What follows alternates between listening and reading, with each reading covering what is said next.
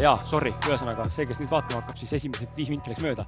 aga et järelvaatamine tuleb, äh, tuleb siis eetrisse alates kuuendast detsembrist ja iga päev ma lisan ühe episoodi või siis ühe asja, ühe, ühe webinari külalise nii-öelda järelvaatamisse nii podcast'i keskkondadesse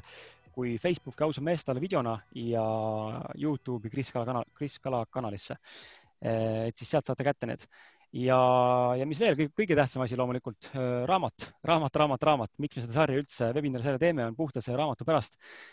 loomulikult, ega sulle väärtust luua ja sulle häid mõtteid anda ja sulle tutvustada uusi inimesi, kes Eestis tegutsevad, aga ka raamatu eesmärgil, sest et see on midagi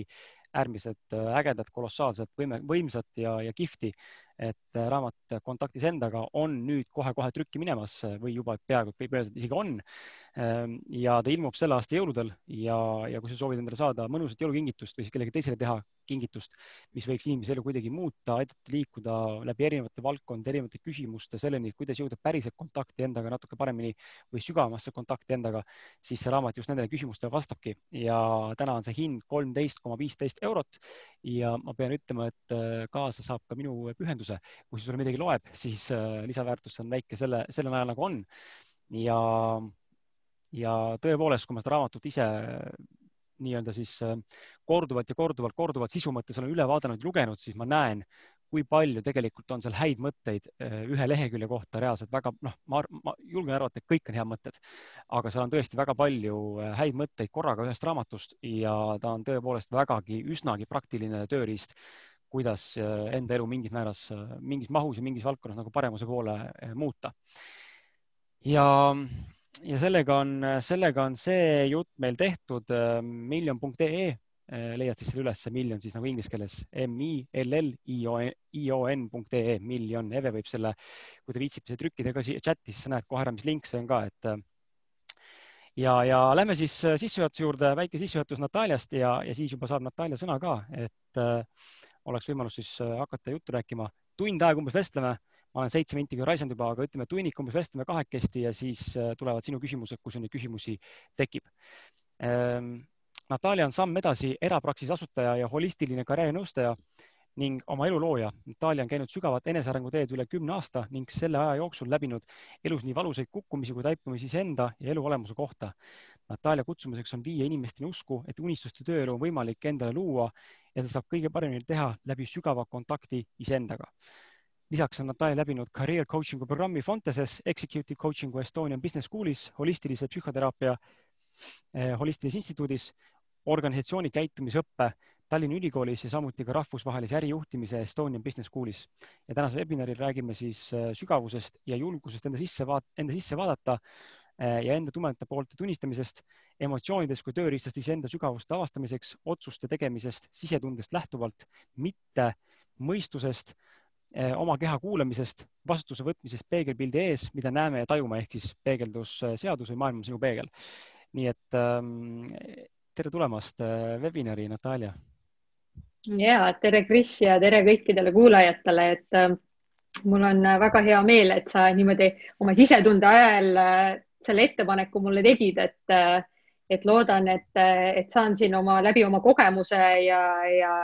ja läbi oma mõtete ja tunnete jagada täna kuulajatega midagi, mis kuidagimoodi neid edasi aitab. Nii-öelda, et, et olla paremas kontaktis iseendaga ma arvan, et sa saad suurepäraselt hakkama ja ma annan endast parima, et äh, sind täna siin, siin toetada ja, ja oma mõtteid kaasa anda, et äh, aga paneme rullima siis, hakkame pihta, meil on siin, kui sa oled meie äh, eelnev webinari, webinari kuulanud juba, siis ilmselt tead, milline see struktuur umbes on ja võib-olla sa oled läbi hammustanud selle ka, kuidas ma olen üles ehitanud selle, meil on tegelikult viis küsimust, mida ma küsin kõigilt ja siis viis või kuus küsimust nii-öelda sõltuvalt siis nendest inimestest ja nende enda välja valitud teemadest, äh, mis siis iga kord on erinev natukene, aga esimesena siis äh, klassikaline küsimus, mis kõigile kõlab, on see, et Natalja, mis sa arvad, mida võiks tähendada üldse iseenda kontaktis äh, olemine või iseendaga paremas kontaktis olemine, mis asi on kehv kontaktis olemine, äkki võib-olla siia näitena tuua ja, ja kuidas sina seda mõistad ja milles see peamiselt väljendub mm? -hmm et, et see kontaktis endaga olemine, nii nagu me sinuga ennem ka natukene arutasime, et see on selline hästi tunnetuslik protsess. aga kui nüüd proovida seda nagu sõnadega väljendada, et, et, et mis see minu kogemus on, et et äh, mina nagu kõigepealt esimesed mõtted, mis mulle nagu tulnud, on see, et, äh, et tegelikult kui sa oled endaga kontaktis, siis sul on tähelepanu hästi palju enda sisse. mitte nii palju endast väljapoole, et, et enne seda, kui ma üldse hakkasin enesearengu teel käima, siis äh, see tähelepanu oli igal pool hästi-hästi palju mujal, aga üldse mitte enda juures, sa ei saanud aru, mis sinu enda sees toimub. et ja selleks, et kontaktis endaga olla, on äh, tähtis just see teadlikkus ja teadlikkus minu jaoks tähendabki seda, et et sa tegelikult suudad oma mõtete ja tunnete ja mingi reaktsioonide juures astuda korra nagu nii-öelda endast välja kõrvale ja jälgida ennast äh, nii-öelda kõrvalt. et, et, et mis asi see on, mida ma praegu kogen ja vaata, kui sa niimoodi hakkad äh, nii-öelda mm, praktiseerima igapäevaelus, et, et siis, siis tegelikult äh, see väline maailm enam äh, nii palju sulle huvi ei paku, et kes mida teeb või kes mida, midagi ütles. et see on võib-olla üks indikaator, et, et, et kui, mida rohkem sa oled kontaktis iseendaga, seda vähem äh, sul pakub see huvi, et, et, et mida need teised teevad või miks nad teevad ja kõik need arvustused ja, ja, ja siis sa nagu oled pigem, noh, pigem analüüsid oma sisemaailma, oma sisekosmost. et, et see on selline ja ma ütleks, et see kontakt iseendaga on äh, hästi põhjatu protsess, et see ei ole midagi sellist, mida sa üks hetk saavutad ja siis oledki kontaktis endaga,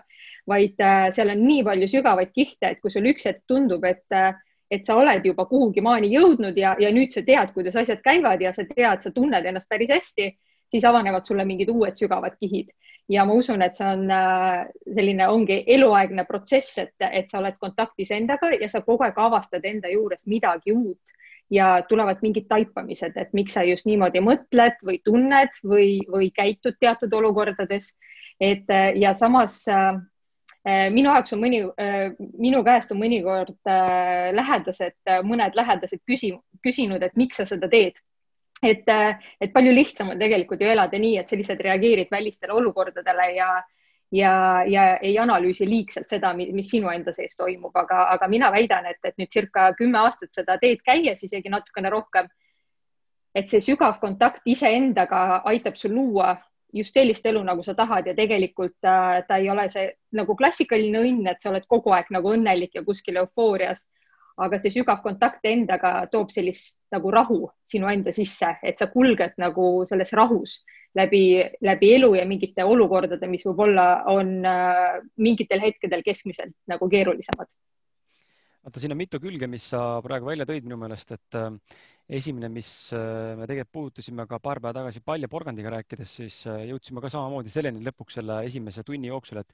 see enda kontakti jõudmine või päriselt selle kontakti saavutamine e-, ei olegi midagi sellist, et sa nüüd selle saavutad ja nüüd see on nagu paigal püsiv ja jääv. et see pidevalt muutub, see võib-olla läheb mingi aeg kehvemaks, läheb võib-olla paremaks. Ähm, ta võib-olla täieneb, eks ole. Ähm, aga ta ei ole nagu selles mõttes statsionaarne, vaid pigem ta on liik, kogu aeg liikuvas faasis ja ja,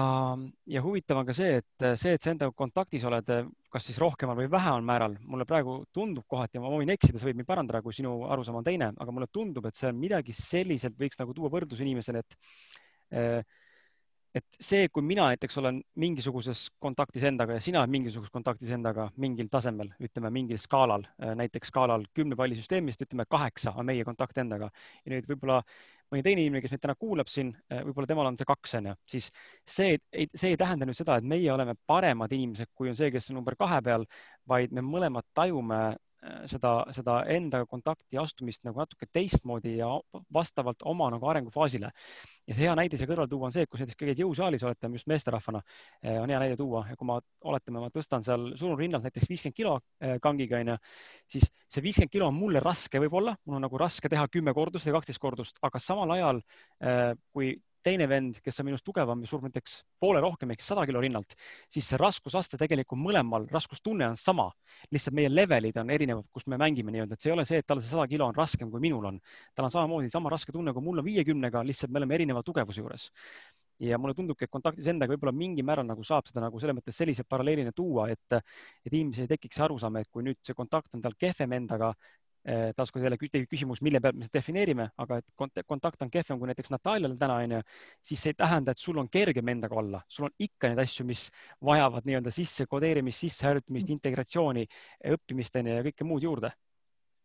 just ma olen sinuga selles mõttes nõus, et siin kindlasti ei saa nii-öelda defineerida inimesi, et kes on nüüd parem ja kes on halvem, on ju sellepärast, et kas ta on või ei ole endaga kontaktis. et pigem ma ütlekski samamoodi jah, et, et need inimesed, kes on isegi juba endaga kontaktis ja, ja kuidagi hammustavad läbi, mis nende enda sees toimub, neil on täpselt samamoodi erinevaid väljakutseid ja, ja nad on täpselt samamoodi inimesed ja üks hetk me jõuame ka selle tumedama pooleni, et, et mida ma olen nagu tajunud ja näinud ja, ja usun, et igas inimeses tegelikult ükskõik kui kui palju sa oled endaga kontaktis olnud ja nii-öelda enesearengu teed käinud, sul on ikkagi oma tume pool olemas ja me oleme selles mõttes kõik inimestena sarnased ja, ja inimlikud, et me ei saa niimoodi liigendada, et, et üks on nagu parem või halvem. siit äh,, aga siis nagu tekibki küsimus, et äh, et seda kontaktis endaga olemist saab nagu mõista natuke nagu kahes suunas, et üks on selline tunnetuslik pool just läbi valikute ja oma sisemaailma, et kuidas ma usaldan enda sisetunnet või, või kui ma teen mingi valiku, kas see oli õige või vale, eks ole, mida me näeme pärast tagantjärgi nii-öelda analüüsides, siis äh, see on nagu üks pool, aga teine pool on see, mis just kohe alguses ütlesid ka esimese küsimuse juures, et äh, see teistest mitte sõltumine või ole või sõltumatuks jäämine välisest keskkonnast, endale kindlaks jäämine, et see on nagu kaks leeri, mille vahel me tegelikult seda kontakti nii-öelda nagu saavutada saame, et äh, kumb nagu sinu meelest siin olulisem on ja või, või, või, või nad peaks olema paralleelselt nagu selles mõttes koos liikuma nii-öelda skaalal, mitte et üks läheb eest ära, teine läheb, teine jääb maha mm. -hmm. mis puudutab äh, seda, et kui palju me välisest maailmast sõltume või ei sõltu, on ju, et ta on hästi nagu kujunduslik. et, et tegelikult me elame ju selles ühiskonnas, kus me täna oleme ja, ja selles maailmas, et me ei saa ennast päris ära lõigata ja, ja juba sellepärast ei saa, et, et siis me saame vähem peegeldusi, millest me ka üks, üks hetk arvatavasti räägime, et, et siis, siis ei toimu meie eneseareng nii kiiresti et aga teiselt poolt äh, on see, et, et kui me oleme iseendaga kontaktis, äh, siis me oskame teha paremaid valikuid, äh, sõltumata sellest, mida võib-olla see väline maailm meile üritab peale suruda. et ja, ja siinkohal ma ikkagi nagu väidaks, et, et, et mitte egoistlikus mõttes, et siin võib-olla mõni võib aru saada, et, et noh, ma lähtun ainult iseendast, et aga, aga just see, et, et oma valikuid tuleb teha oma sisetunde järgi ja, ja see kontakt iseendaga nagu aitabki neid valikuid teha. et kui natukene nagu valikutest rääkida ja üldse, kuidas neid valikuid teha, on see, et no, sina, sina küsisid, vaata, et kas mõistuse või, või südame tasandil või, või see, et, et kuidas nagu välismaailmale, kas parem või halvem on, et äh, minul on tegelikult üks selline hästi konkreetne moodus juba paar aastat, et kuidas mina oma valikuid teen, et, äh, et, et valik on see, äh, valiku juures ma esitan endale küsimuse, et kas see valik tuleb armastusest või hirmust minu mhm. sees et ja see küsimus on, tundub alguses päris lihtne, et noh, et kas mulle meeldib või ei meeldi see onju või ma, kas ma kardan või ei karda seda teha. Aga tegelikult seal on nagu palju-palju keerulisemad äh, nüansid taga, on ju, et kui päriselt enda käest küsida, et ähm, et äh, näiteks kui äh, ma võin oma näite tuua, et kui meil oli siin nii-öelda koduvahetuse mõtted, et, et siis, siis ma ka nagu küsisin ka enda käest, et noh, et kas see valik tuleks armastusest või hirmust ja loomulikult esimene vastus alati tuleb noh, et aga mulle meeldib see uus, uus koht või, või noh, see tuleb armastusest. aga kui natukene sügavamale enda sisse minna, siis võib sealt ära tajuda mingi hirmutundeid, et, et, et äkki äh, tegelikult kahe aasta pärast ei ole midagi paremat turul või, või, või äh, äkki siis äh, on laenutingimused halvemad või, või noh, et, et see tegelikult, kui natukene sügavamalt kaevata, siis see armastus ja hirm on, võib täitsa segi minna omavahel. et aga minu meelest see alati toimib, et kui sa nagu läbi hammustad, et kus on hirm ja kus on armastus, et sellisel juhul need valikud tulevad nagu päriselt sinu enda seest, et kas sa tahad praegu sellest, et kui see tuleb hirmust, see valik, siis ilmselgelt see ei ole hetkel sinu jaoks mõeldud ja see ei pruugi sind äh, nii-öelda nii kiiresti edasi viia, kui sa tahaksid, onju, aga kui see tuleb äh, südamest ja armastusest, see valik, et, et siis igal juhul, isegi kui see on hirmutav, siis, äh, siis sa jõuad õigesse kohta omadega seal, kus sa pead olema mm. -hmm okei okay,, lähme siit äh, edasi sinna selle tumedamate poolte juurde, mille sa tegelikult korraks ka mainisid, et äh, kuidas, kuidas leida siis, äh, noh, me kõik teame, et meil on need tumedamad pooled, äh, mis iganes nimepidi me nimetame seda, kas siis meie varjuküljed või, või noh, neid termineid on palju, millest räägitakse erinevates äh, nii-öelda koolkondades või teraapiates kasutatakse erinevaid mõisteid mingil määral. aga ütleme, need tumedamad pooled, millele me ei julge otsa vaadata või mingisugused, mingisugused asjad meie juures, mida me ei taha nagu tunnistada, et ähm, küsin siis võib-olla selliselt, et mis see siis üldse on sinu meelest need tumedad pooled ja teiseks siis, kuidas leida endas päriselt see julgus nendele tumedate pooltele otsa ka vaadata ja, ja, ja kuidas nendega tegeleda mm? -hmm et äh, need inimese tumedad pooled tõesti, et äh, ma väidan, et äh, igalühel on need olemas ja, ja ütleksin isegi, et circa kümme aastat tagasi, kui, kui me rääkisime nagu nendest inimestest, kes hakkavad oma enesearengu teed käima ja, ja psühholoogiast huvituvad, siis hästi palju oli seda soovitust, et, et pigem neid tumedaid pooli mitte üldse nagu kuidagi nagu puutuda või sellest väga palju ei räägitud. mul on mhm. väga hea meel, et sellest praegu rohkem räägitakse. et, et siis rohkem räägiti, et noh, et, et sa pead olema positiivne ja, ja mõtlema positiivselt ja, ja, ja, ja olema heatahtlik inimeste vastu, siis see kõik tuleb sulle tagasi.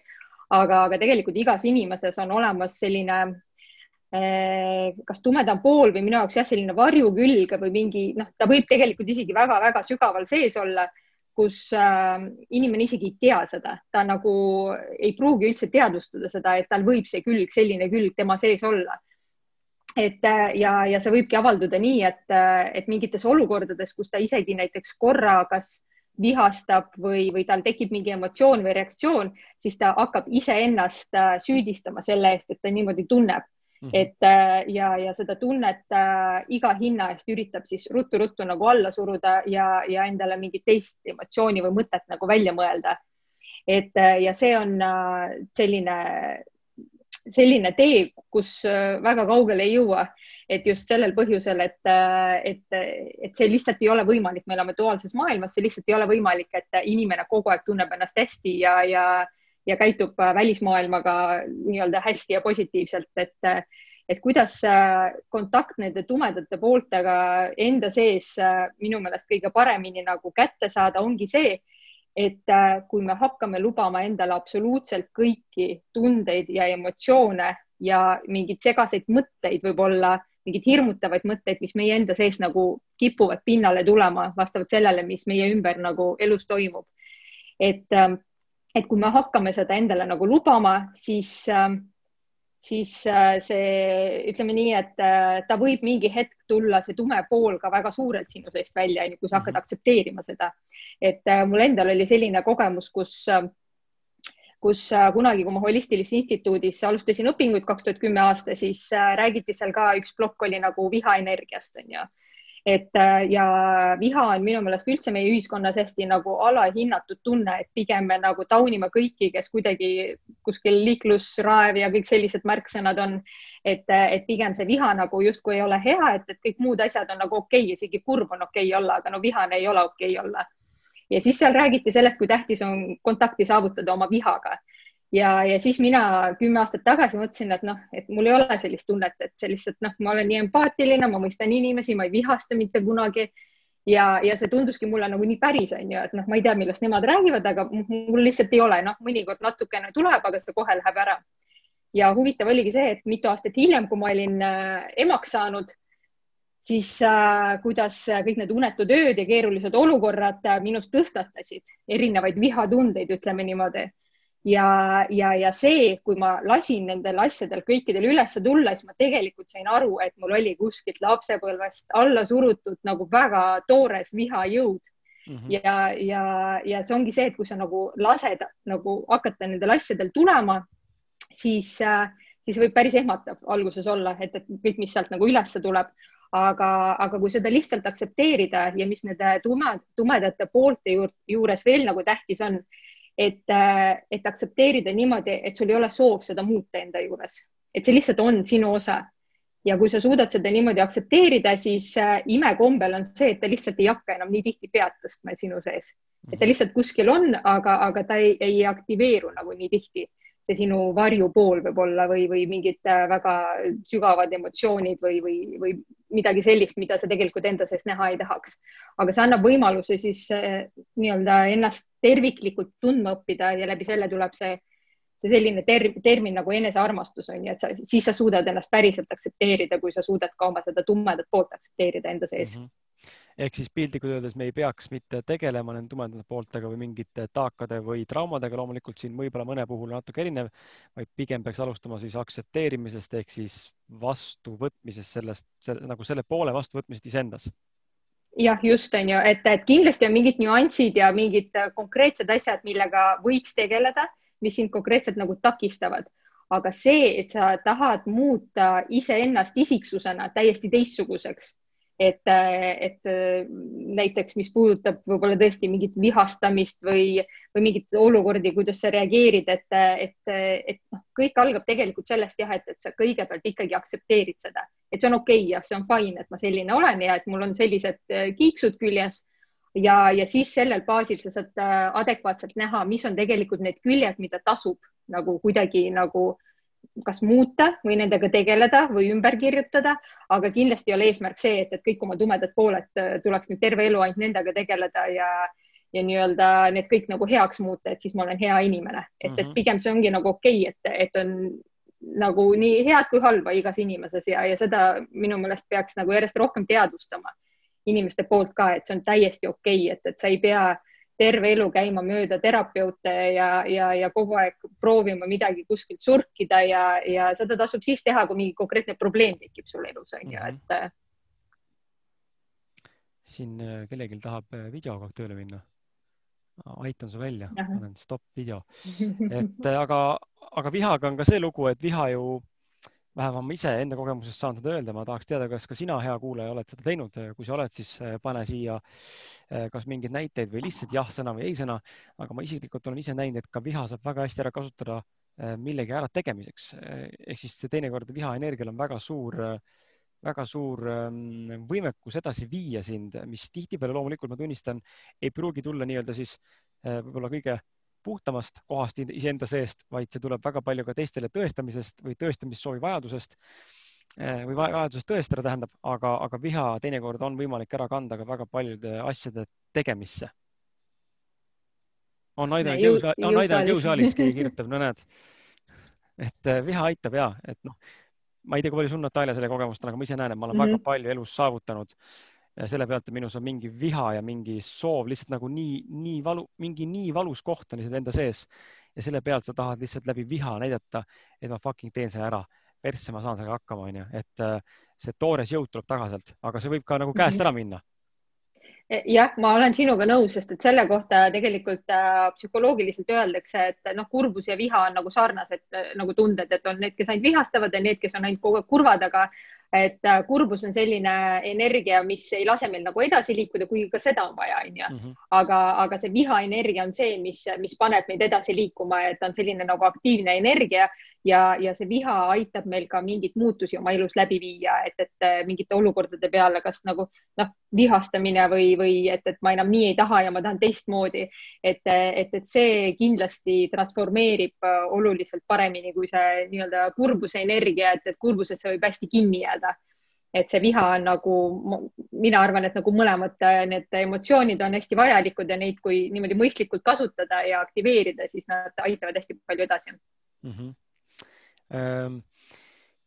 räägime emotsioonidest, et äh, sa oled öelnud, et emotsioonid on kui tööriistad, et jõuda lähemale iseenda sügavustele. mida sa selle all täpsemalt silmas pead mm? -hmm. et äh, minu jaoks on äh, selles mõttes, et selline iseenda emotsioonide lugemine on hästi tähtis äh, arenguprotsess, et, äh, et, et siis äh, läbi nende emotsioonide lugemise ma äh, ma saan paremini aru, mis minu enda sees toimub. et, eh, et võib-olla natukene nagu eellugu siia juurde on see, et eh, kuna ma olen nagu vene perest pärit ja hästi temperamentne, siis ma olen mm, mingi aeg Eesti ühiskonnas tundnud, et, et minu nagu emotsioonid ja, ja reageerimise kiirus ja, ja kõik need asjad on, on natukene teistmoodi ja ühiskonna poolt natukene võib-olla ka taunitav, et, et võib-olla Eesti ühiskond on rohkem äh, selline eh, vaoshoitum ja rahulikum ja kannatlikum ja, ja, ja mina olen nagu, nagu teistmoodi. et eh, ja siis see aeg, kus ma üritasin ka nagu selles mõttes sulanduda nii hästi ühiskonda, et, et neid emotsioone nagu mitte nii palju välja näidata, siis, eh, siis ma jooksin endaga nagu kinni ja, ja üks hetk, kui ma nagu hakkasin lubama neid emotsioone jälle enda seest välja, siis ma sain aru, et, et vähemalt minu enda jaoks, kelle jaoks on mõtted, kelle jaoks on emotsioonid et mida sa hakkad märkama, mida nad minu enda kohta ütlevad, onju. et, et ükskõik, mis olukord kuskil väljas toimub, me ikkagi reageerime kuidagimoodi sellele ja, ja, ja kui me suudame seda reaktsiooni nagu läbi näha, et mitte see, et see olukord on kuskil halb, aga mis see minu enda nagu tunne tekib sellega seoses ja, ja seda nagu kõrvalt vaadata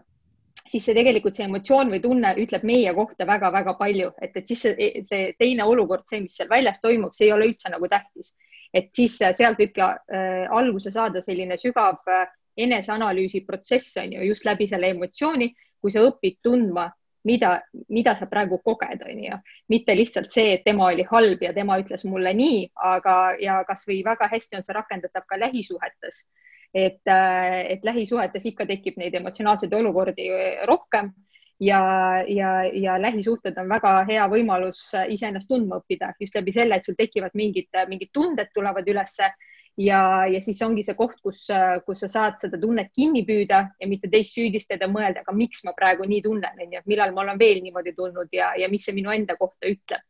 et, et, et see ongi,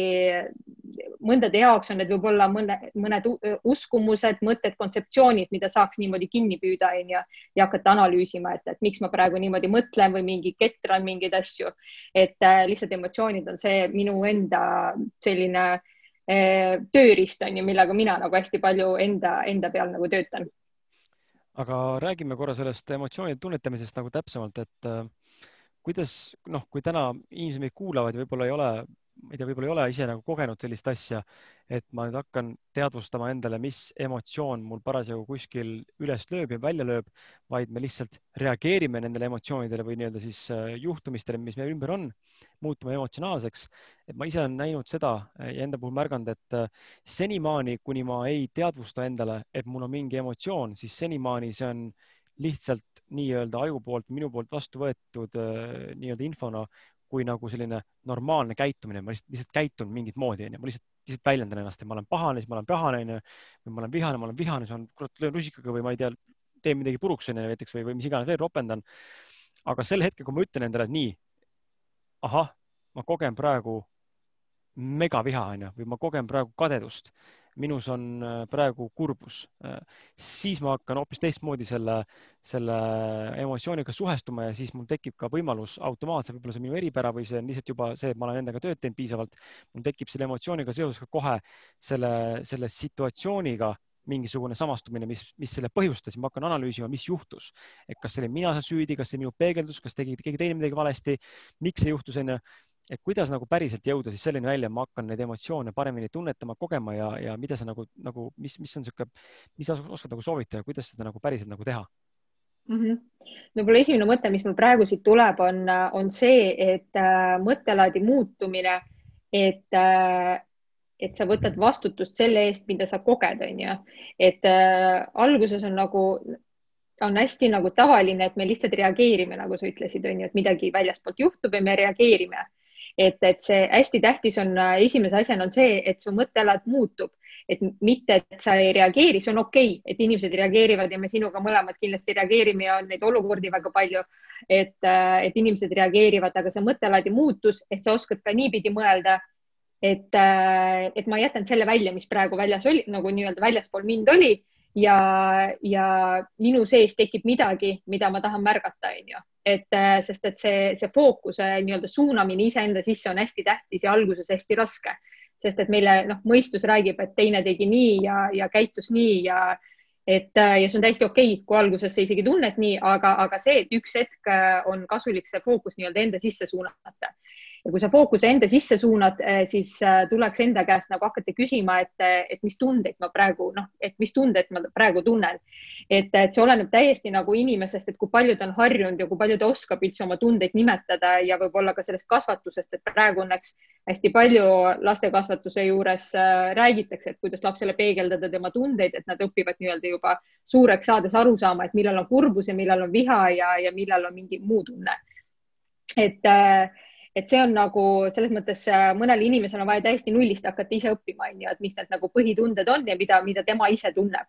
et äh, ehk siis see fookuse suunamine välisest sissepoole ja kui sa juba enda peale selle fookuse suudad suunata ja, ja oma mõttemalli nii palju muuta, et, et ma üritan lihtsalt jälgida, et võib-olla see on mingi korduv muster üldse, äkki millal ma veel seda emotsiooni tundnud või näiteks on mingi teatud olukorras kogu aeg ma tunnen niimoodi, et ja siis äh, tegelikult terapeudid soovitavad äh, täpselt nagu sa ise ütlesid, et, et meelde tuletada, et millal ma olen veel midagi sellist kogenud et, äh, et või millal on see esimene olu, nagu olukord, mis mul üldse meelde tuleb, millal ma seda tunnet kogesin. et, äh, et aga jah, kõik algab sellest fookuse suunamisest iseenda sisse ja mõttemalli muutumisest on ju, et ei ole alati süüdi välismaailm, et ma vaatan, mis minu sees toimub praegu mm. -hmm. väga hea äh, me rääkisime päris alguses otsuste tegemisest, et enne kui ma küsimuse küsin, siis jälle meeldetuletus sulle, hea kuulaja-vaataja, ole hea selleks, et äh, tänane vestlus oleks äh, interaktiivsem ja põnevam, siis äh, ja isiklikum, sest et ähm, see webinari sari ongi loodud selle jaoks, et mitte mina ei, ei oleks nii-öelda saatejuhi rollis, vaid ka sina oleksid see, kes seda suunab oma küsimust oma mõtetega, nii et kui sul tekib küsimusi, tekib mõtteid, siis ole hea, selleks, chat ongi, tulista need sinna ja, ja need saavad, saavad vastatud. et aga me rääkisime siis otsuse tegemisest ja, ja küsikski sinu käest siis sellise nurga alt, et millele tuginedes ja millest tulenevalt sina oma elus äh, mingeid otsuseid teed, kas see on siis puhtalt äh, ratsionaalselt nii-öelda mõistusest lähenevad, on see intuitsioon, on see mõlemas segu, sõltub see olukorrast, sõltub see valdkonnast, äh, kus sul on parem kontakt endaga või, või parem usaldus elu ja maailma enda vastu? Ja, ja kui võimalik, siis too palun mõningaid näiteid ka mm. -hmm et äh, korra ma juba mainisin äh, selle armastuse ja hirmu temaatika on ju otsuste tegemise juures, aga kui rääkida ratsionaalsusest ja sellisest nagu südame, äh, südame põhjal tehtud otsustest, siis, siis mina, no ma isegi proovisin praegu mõelda niipidi, et kas mõndades olukordades oleks kasulik mõelda ratsionaalselt, on ju, et et ja ma ei suutnud välja mõelda vähemalt oma elu, praeguse elu hetkes, et, et mis, mis need sellised olukorrad võiksid olla, kus oleks mõistlik ratsionaalselt mõelda, et võib-olla mingid sellised olukorrad, kus, kus on väga vaja, kas, kas raha näiteks või, või mingid lühiajalised mingeid asju, et ma pean nagu korra oma seda sisetunnet kuidagi teisele kohale panema ja mingi asja ära tegema, on ju, sest ma saan aru, et seda on vaja teha aga üldiselt, kui olla kontaktis iseendaga, siis, siis neid olukordi, no ikkagi need lahenevad kuidagi nagu teistmoodi ära, et, et mina olen ikkagi see inimene, kes neid otsuseid teeb hästi nagu sisetundest lähtuvalt. ja, ja mida aeg edasi, seda rohkem ma tunnen, et, et kui ma hakkan liiga ratsionaalselt mõtlema, siis ma, siis ma jooksen oma mõtetega kokku või nad hakkavad ketrama ja tegelikult mul tekib hästi suur pinge kehasse, et ma juba nagu tajun kohe ära, et, et südamest on siin asi kaugel, et, et nüüd ma olen peas omadega, et et see tekitab hästi suuri pingeid. et äh, aga küsimus on jah see, et, et kuidas siis sellest nagu oma südame soovist lähtuvalt neid otsuseid teha. et äh,, et võib-olla siin on nagu selline ka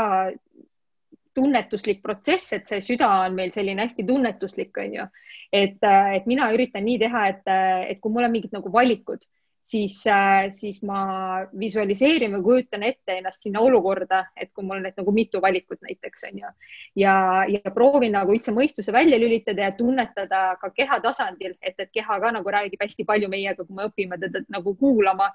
et, et kas tekib selline hea ja soe tunne sellega seoses või ikkagi tekib selline kuidagi nagu paha tunne äh, selle, selle otsusega seoses, et ähm,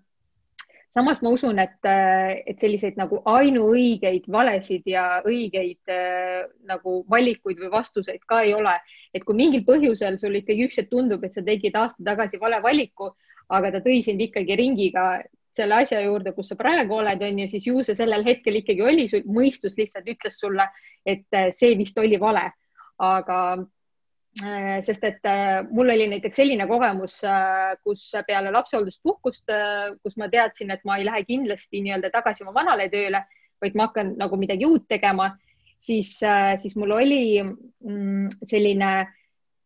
hästi, noh, võib-olla natukene ratsionaalne otsus on see, et ma ikkagi lähen palgatööle, onju, et küll uude valdkonda, aga ma lähen palgatööle ja, ja samas mu sisetunne alles tagantjärgi ma hakkasin aru saama, et mu sisetunne nagu küsis minu käest või rääkis, et et, et kas sa tahad minna ringiga oma asja juurde, kuhu sa niikuinii üks hetk välja jõuad mm -hmm. või siis otse teed. aga sellel hetkel mul millegipärast oli vaja see ring sisse teha, et ma oleks võinud teistmoodi ka valida sellel hetkel ja minna nii-öelda otseteed, kuulata oma südant, et mida ma tegelikult teha tahan ja mis on nagu tegelikult see minu tee. ma justkui tegin nagu võib-olla, ma isegi ei julgeks öelda, et see oli vale valik, aga ikkagi ma pidin selle nagu ringi sisse tegema, see võttis circa seal kolm aastat aga, aga see nii-öelda ikkagi tõi mind siia kohta, kus ma praegu olen, on ju, ja nende kogemuste pagasiga, mis, mis ma sain, nii et selles mõttes lõpuni õiged ega valesid äh, valikuid ei ole olemas, ma arvan. ma arvan, et seda, seda on igaüks enda elus kogenud, et äh, ma kohe küsingi, et ole hea, anna mulle teada, kas sa oled või ei ole äh, chatis, oled kogenud enda elus neid situatsioone, kus,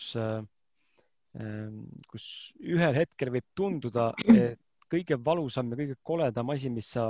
sinuga juhtus või mille sa valisid, osutub kõige paremaks asjaks äh, mõne aja jooksul onju, äh, või vastupidi, mõni väga hea otsus, mis tundus sulle ratsionaalselt ja ka võib-olla tunnetuslikult hästi tore otsus, osutub mingi hetk väga nõmedaks olukorraks onju, et tihtipeale see, mulle tundub, et me siia saab tuua sellise klassikalise näite kindlasti selle pealt, et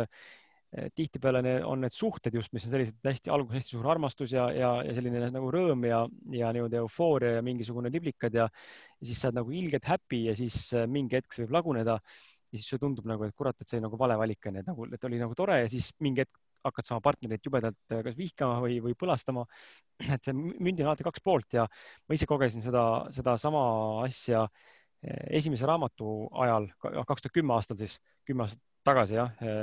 siis ähm, kui mind, kui mu esimene armastus mul nii-öelda purunes või esimene suhe, tõsisem suhe purunes, siis ma mõtlesin, et jumal küll, et see on elu kõige, kõige jubedam periood üldse ja kõige valusam koht. ja, ja ma ei saa aru, miks see hea on.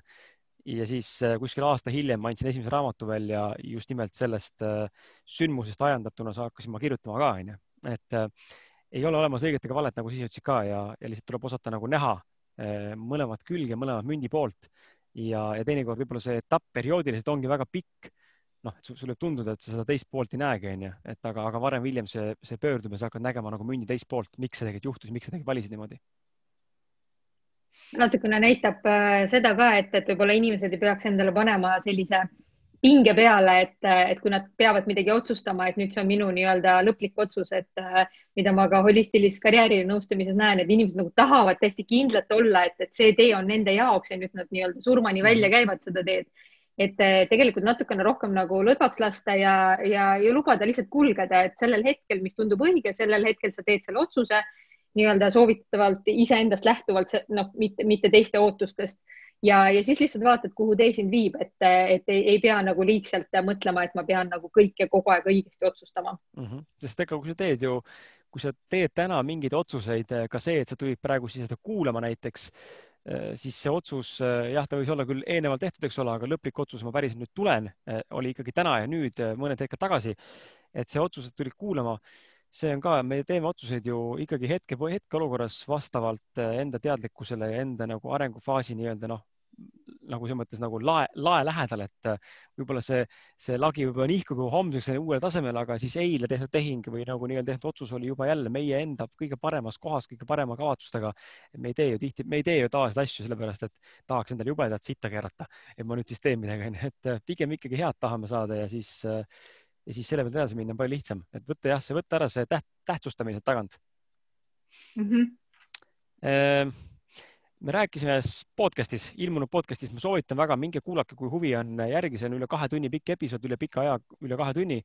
Ehm, et ehm, me rääkisime tegelikult kirest ja, ja elu mõttest ja ma tahaksin seesama küsimus tuua siia sisse, võime seda natuke lühemalt teha kui podcast'is, aga see on nii oluline teema, sest et kirge väga tugevalt seostatakse enda kontakti mm mingi määra nagu leidmise või nagu tõmmatakse paralleele seal ja samal ajal tõmmatakse kire paralleele ka elu mõttega ja elu mõte omakorda siis nagu kontaktis endaga, nii et niisugune nagu kolmnurk tekib seal nii-öelda nendest kolmest tähendusest. et ähm, mis see, mis see kirg sinu meelest on, Natalja, ja, ja kuidas see tegelikult äh, endaga paremas kontaktis olemise äh, näitesse või, või vormi nagu suhestub mm? -hmm et äh, ja see kolmnurk on väga huvitav, et, äh, et seda võiks jah, kohe niimoodi analüüsida ja kommenteerida juurde, aga kui alustada sellest, et äh,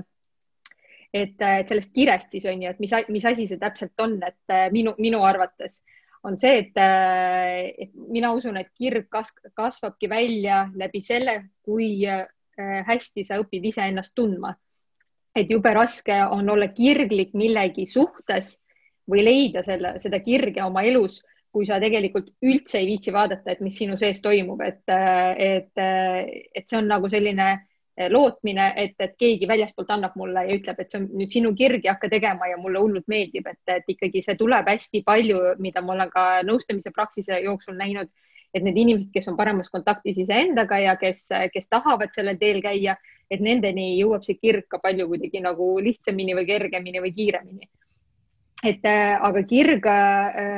minu jaoks on midagi sellist, eh, mida ma teen eh, täiesti nagu vabatahtlikult, ilma et keegi maksaks mulle selle eest või, või kus ma kaotan oma ajataju ja, ja, ja see on, see on mingi selline nagu tegevus, et, eh, et, et kus ma saan ka midagi nagu kuidagi maailma nagu panustada, et, et see on ka nagu hästi minu jaoks nagu selle kirega seotud et, äh, et, et see on jah, selline asi, mida,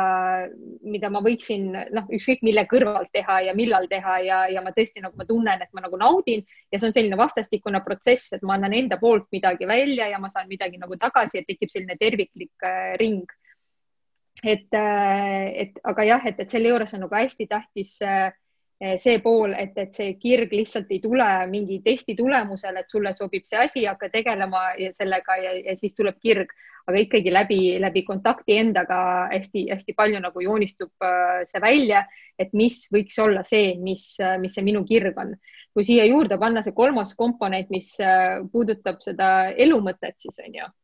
siis äh, siinkohal äh, ma lõpuni ei nõustu, et kirg võrdub ka elu mõttega, onju, et mhm. kui sa leiad oma kire, siis, siis äh,, siis on sul nagu justkui elu mõte olemas. sest et äh, oma kogemusele tuginedes ütleks, et, et kui ma olin nagu hästi noor, siis minu jaoks oli elu mõte, ma ei tea, leida hästi tore kaaslane ja luua pere, siis see tunduski nagu elu mõte kui, äh, kui see oli olemas, siis tundus, et okei okay,, et see ei ole päris elu mõte, et nüüd lapsed on see elu mõte, et noh, et mis veel saab suurem olla kui nagu lapsevanema roll kui ma sain lapsevanemaks, ma sain aru, et okei okay,, et noh, see, see ei saa ikkagi nagu lõpuni, noh, see ei ole see elu mõte, et midagi, midagi on veel. noh, siis, siis tuli see eneseteostuse suund sisse ja, ja kõik see, et vot, et kui saaks teha seda tööd ja selliselt, nagu ma tahaksin. kui nii-öelda ka see sai nagu kaetud, mis puudutab just seda kirge ja eneseteostust, siis ma tegelikult tänaseks päevaks olen jõudnud selleni, et äh, et see nagu kirg ja eneseteostus on lihtsalt ka üks komponent meie elust, et me saame küll panustada ja midagi enda seest anda, aga elu, noh, minu jaoks nii-öelda elu mõte ise on, on just elu kogemine, noh, täpselt nii sünnist kuni surmani, sa koged seda elu ja selle aja jooksul sa võib-olla eh, lahedalt lahendad enda sees mingid asjad ära, onju, mis sul on nagu kaasa antud pagasina sellesse ellu ja lapsevanemana on mul äh, selline, äh, selline tunne, et, et kui ma, kui ma lahendan enda sees midagi ära, siis, äh, siis järgmistele põlvedele on nagu lihtsam, onju. Mhm. ja siis nagu minu, minu ülesanne on lihtsalt kogeda seda elu nii, nagu ta on ja, ja olla kontaktis iseendaga nii-öelda selle elu jooksul, et ja loomulikult kõik need komponendid, mis puudutab suhet, lapsi, peret, tööd, eneseteostust et need on kõik hästi-hästi tähtsad inimese elus, on ju. et, äh, lihtsalt, äh, kui nendega tööd teha ja need paika loksuvad, siis äh, siis ma julgeks väita, et nüüd on elu mõte nagu saavutatud ja tehtud, et tegelikult see kogemine läheb kogu aeg edasi ja see areng läheb kogu aeg edasi mm. -hmm. Ma toon siia kaks näidet meie kuulajatele. Ehm, mulle väga meeldis podcast'i ajal, kui sa, kui me sinuga suht-, vestlesime ja jõudsime selleni läbi siis äh, selle ühe raamatu näite, et kirg väga suurte eelduste kohaselt pigem tekib siis, kui me midagi juba teeme, mitte et see on juba varasemalt olemas, see võib olla varasemalt olemas, aga pigem tekib see mingid asjad tehes, kus me märkame läbi eneseteadlikkuse või enesevaatluse, kui meil see võimekus olemas on, äh, märkame seda, et me oleme milleski pädevad ja oleme osavad ja meile meeldib seda teha ja me oleme tõesti andekad selles. et minu kui mina hakkasin raamatut kirjutama kaks tuhat kümme aastal, siis äh, minu üheksanda klassi äh, lõpukirjand eesti keele siis kirjanduse või eesti keele nii-öelda siis eksamil oli sisu poolest null, äh, siis ma kirjutasin teemast mööda. ehk siis ma ei oska absoluutselt kirjutada, e, aga samal ajal täna ma näen, et see kirjutamine minu juurde jäänud üle kümne aasta, täna tuleb välja kolmas raamat siin ja neljas on kirjutamisel ja ma näen, et ma oskan kirjutada mingis mingist nurgast vaadatuna. jah, mul on äh, keeleliselt on probleeme, ma ei ole kindlasti filoloog, aga, aga selleks on teised inimesed, kes seda tööd teevad. aga just see sisu pool on see, mida ma näen, kuidas vastu võetakse, ehk minu, mul on tekkinud aja jooksul mingi kirg, aga see ei olnud niimoodi, ma sündisin ja nüüd nelja-aastaselt teadsin, et minust saab kunagi kirjanik, et seda ei olnud, seda soovi ei olnud, see lihtsalt tekkis mingi hetk, ma tahan kirjutada. ja sama on selle podcast'iga olnud, et kui ma tegin kunagi Youtube'i või üritasin seal mingeid muid asju teha, kogu aeg otsisin, ma kogu aeg otsisin aktiivselt, ma olen nagu selles mõttes mõistusest tulenevalt väga palju enda asju elus nagu teinud ja otsinud just selle koha pealt, et nagu, mis oleks see loogiline asi, mida täna teha saaks, mis tooks ka raha sisse, mis oleks kihvt, mis mulle meeldiks, eks ole, onju. siis mingi hetk lihtsalt mitte midagi ei, ei, ei muutunud elus, kõik jooksis rappa ja mingi hetk tuli mul teadmine, et hakkaks nagu salvestama saateid helis lihtsalt, lihtsalt hakkaks salvestama, ma ei kuulanud podcast'i ise ka. ja, ja seda tehes nüüd varsti kolm aastat ma näen ja saan öelda julgelt, et sellest on kasvanud välja kirg, mida ma teen tõenäoliselt järgmised, noh, ma pakun, et ma teen seda vähemalt kümme aastat, võib-olla ma eksin, aga tänase tunnetuse pealt ma näen, mul on jaksu ja tahtmist veel teha ja ma tunnen, ma poleks nagu alustanudki. ehk siis see on nagu huvitav ka, et kui sina meid täna siin jälgid ja kuulad ja mõtled selle peale, siis ära nagu muserda eh, ennast sellega, kui sul täna veel midagi sellist ei ole, mis sinus tekitaks põlevat soovi midagi nagu teha ja sinna panustada tulihingeliselt ja teistpidi ka ei ole, ei ole teinekord ka võib-olla mõistlik või otstarbekas mõistusest tulenevalt eh, mõelda, mis see olla võiks, vaid lase selle asja tulla, et eh, katseta erinevaid asju ja, ja, ja vaata, kus, kus sul klikkab ja, ja siis, kui miski klikkab, siis anna minna ja ma arvan, et ma ei tea, kas sa Natalja oskad äkki öelda, kas seal on mingi ajaline periood ka, mis sa äkki oled märganud eh, inimestega suheldes või enda pealt, et kas seal on mingi kireni nagu kirja avastamise juures või teadvustamise juures, kas seal on mingi ajaline periood ka, kus võiks mingi aeg ära püsida, et aru saada, kas see on päriselt mulle või mitte mm. -hmm. et äh, see on hea, et sa selle oma kogemuse praegu sisse tõid, et, et tõesti sellega on üks asi on see, et, et sa oled endaga kontaktis ja siis hakkavad mingid vihjed tulema, et mida sa võiksid tegema hakata, onju. et äh, ja, ja tegelikult äh, on, mida ma näen, on see, et igas inimeses on mingid asjad on sees, mida nad tahaksid katsetada, võib-olla noh, mingid mõttetasandil, et äh, mingid tegevused või mingid suunad aga, aga inimesed tihti ei julge või ei viitsi nagu hakata katsetama neid mõtteid, mis neil on, on ju. Neil on täpselt see, nagu sa ütlesid, see tunne, et nad tahavad, et see kirg juba lööks neis nagu ülesse sellel hetkel, kui nad mõtlevad selle peale ilma, et noh, näiteks teevad hoopis mingit muus valdkonnas tööd ja nad tahavad, et see kirg oleks nii suur nendes, et siis nad hakkavad mingeid muutusi tegema, et nad ei usalda seda pisikest tunnet või neid mõtteid ja, ja, ja nad ei viitsi hakata katsetama et, et, et kui rääkida sellest nagu ajalisest kontekstist, siis äh, nii nagu me ka podcast'is rääkisime, et võib olla selline äh,, peab arvestama sellega, et see algus võib olla äh, rahulikum kasvamine selle kire juurde, et see kirg ei tule ka kahe-kolme kuuga, onju, et kui sa hakkad seda tegema, et äh, võib-olla peaks pigem arvestama paari-kolme aastaga et selline üks pluss hakkad võib-olla aru saama, et okei okay,, see sobib mulle, et, et võib-olla kuni aasta sa sa võib-olla kaalud, et kas see sobib või ei sobi sulle, see suund ja see mõte, mida sa nagu katsetad siis on ju. et, et seal üks pluss aasta võib-olla tekib see tunne juba, et, et, et okei okay,, see vist isegi sobib mulle, et ma ei tea, kas ma peaks ennast veel kuidagi täiendama võib-olla või, või veel rohkem seda tegema.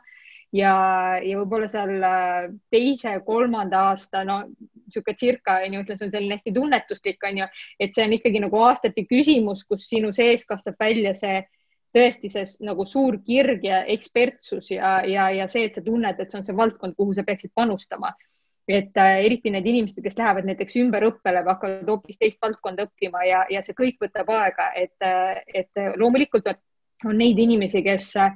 kes seal paari kuuga katsetavad ja teavad juba, et aga, aga tihti, mida ma olen näinud, on see, et nendel inimestel on juba mingi alusbaas olemas, kas nad on hobi korras sellega tegelenud või, või lapsepõlvest selle valdkonna sees kuidagi olnud, aga lihtsalt ära unustanud ja, ja et, et siis neil võib nagu kiiremini minna, aga kui sa ikkagi võtad mingi täiesti sellise asja, millega sa ei ole varem tegelenud, aga, aga katsetad, siis, siis see võib nagu aega võtta, sellega peab arvestama mm. -hmm tuleme siit äh, nüüd selle olulise teema juurde, mida tegelikult alguses puudutasime ka, milleks on siis maailma meie peegel ja, ja mul millegipärast tekib soov praegu küsida ja läheneda sellele peegeldusele just nagu praegu selle kirje põhjal, et äh, kuidas kasutada ära seda maailma peegeldust selleks, et avastada enda kirge. Äh, või teistpidi, kuidas kasutada ära seda maailma peegeldust selleks, et mõista, et see ei ole päriselt see, mida tegelikult tegema peaksin. kui mul kontakt endaga on kehvem, siis maailm tegelikult näitab meile vastu midagi, mis on loomulikult meist endast tegelikult nii-öelda siis välja ulatuv vastu peegeldub meie enda sisemaailm tegelikult onju, et kuidas selles asjas navigeerida, siis pärast lähme edasi selle peegelduse juurde sügavamalt mm. -hmm et äh, no kui me räägime nagu äh, peegelpildist maailmas ja see, mis ta meile tagasi peegeldab ja meie kire avastamisest, see on tegelikult väga huvitav teemapüstitus. et, äh, et selle kohta nii-öelda nii iseenda kogemusele tuginedes kui vaadates natukene teisi, teisi inimesi ümberringi, võib-olla on see, et seda peegelpilti võiks lugeda niipidi et kui väljaspool sind on midagi või mingid inimesed on oma tegevustega sellised, kus sul tekib tunne, et see on nii põnev, mida ta teeb, aga vot, aga mina ei oska või, või see ei ole, ma ei tea, võib-olla minu jaoks või et sa kuidagi nagu imetled kedagi või, või kuidagi, et sind tõmbab mingisuguse valdkonna poole, et, et sa pigem avastad, et sa loed selle valdkonna artikleid või uudiseid jälgid või et, et see võiks olla üks peegel, mis peegeldab sulle et sul on mingi nii-öelda heas mõttes mingi teema sellega mm, -hmm. et sa peaksid natukene võib-olla sügavamale minema, et, et enda, enda sees nagu vaadata, et äkki see võiks sulle sobida. siis äh, selle kohta tegelikult on selline äh, huvitav ütlus, et öeldakse, et kui äh, teises nagu isiksuses või inimeses on mingi selline omadus, konkreetne nagu isiku omadus, mis äh, sind äh, väga kõnetab näiteks, et keegi oskab väga hästi rääkida või esineda või et ja sulle tundub, et sina oled täiesti vastupidine, et, et vot, et ma imetlen teda sellepärast ette, onju, ja, ja mina olen nagu vastupidine, siis tegelikult psühholoogiliselt on seal taga see, et, et sinu enda sees on ka see olemas, aga see on peidus. sa oled kas selle nagu kinni pannud, kas sellel on mingi blokeeringu taga, aga tegelikult see näitab, et see on sinu olemuses olemas et sellepärast sa haakudki selle inimesega, kes oskab näiteks väga hästi esineda laval aga siis arvad, et see nagu sulle üldse ei sobiks või oskab hästi rääkida. aga kui sa selle nii-öelda lahti murrad, siis sa võid juba sammuke edasi jõuda ka oma kireni või mingi, mingi teemani, mis võiks sulle nagu hästi sobida. et just läbi selle nagu imetluse ja, ja see, et kuhu poole sind nagu tõmbab, et mis teemad sind kõnetavad, et äh, jõuda nagu endani. ja teine asi on muidugi see, et erinevad sünkroonsused, mis meie teele satuvad, et sünkroonsus on siis justkui mingid juhuslikud olukorrad, inimesed Äh, üritused, saated, et äh, filmid, et, äh, et, et, et seda ka, kui lugeda niipidi, et miks just need asjad mu teele praegu satuvad, et miks ma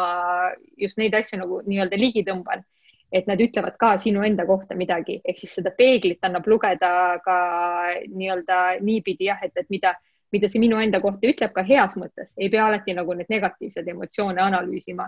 aga, aga just ka neid äh, positiivseid äh, sünkroonsusi ja peegeldusi, et äh, mida see minu enda kohta ütleb ja võib-olla noh, öeldakse ju, et,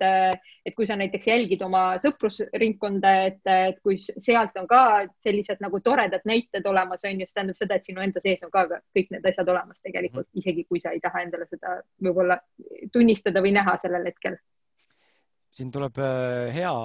hea näide, mul tahan tuua jälle, mul oli paar päeva tagasi vestlus äh, Martin Pukspuuga, kes meie mõned, äh, ma arvan, suurem osa kuulajaid teab, meie endine saatejuht. Ähm, tema helistasin temaga, rääkisin juttu temaga ja siis ta ütles mulle, et mm, noh, ma jagasin talle enda lugu, seda, kuidas ma enda selle, enda selle brutaalse aususele maha surunud ja põhjus, miks ma ennast lõpuks kiljakaks ajasin ka, et kui sa mind olen teine on jälginud, siis sa tead, ma tegelikult olin päris pikalt kolm aastat patsiga, aga enne seda ma olen terve elu olnud kiljakas, nüüd ma olen uuesti. et et temaga jagan, jagan seda lugu, kuidas tema nagu märkused mulle, minu brutaalsus võib-olla ehmatab ära mõned kuulajad ja uued tulijad, äh, jäi mulle hinge, tekitas mingi haava alateadlikult, siis ta tegelikult tunnistas nüüd mulle kolm aastat hiljem, et sellele ma kõigile mõeldes ta on hakanud mõtlema, nägema seda, et tegelikult see pool, mida ta minus üritas maha suruda nii-öelda alateadlikult,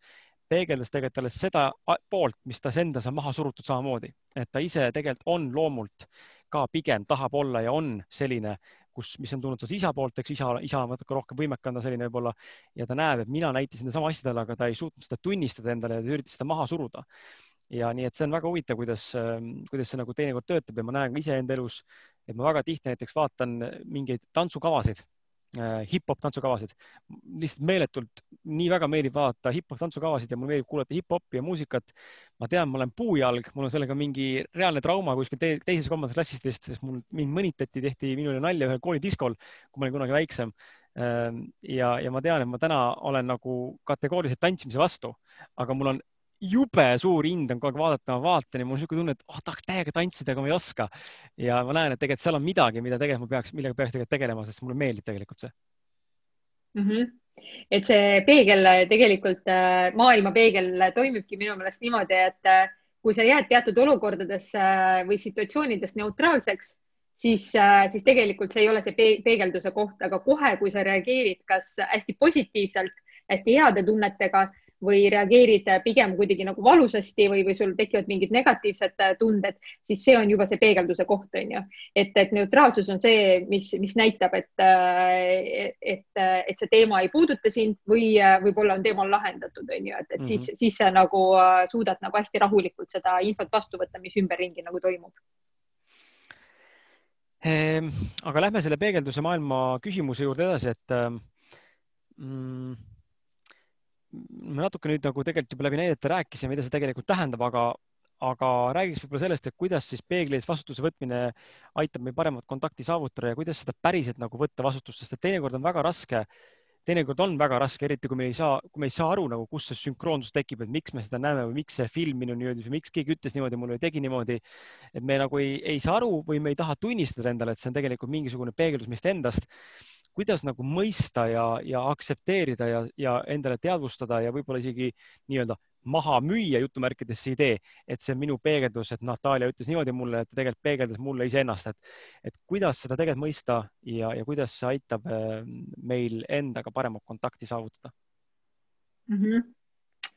et, äh, et noh, see peegel, nagu sa ise ka ütled, on nagu igal pool olemas, on ju. et äh, aga kõige tugevam peegel, noh, võib-olla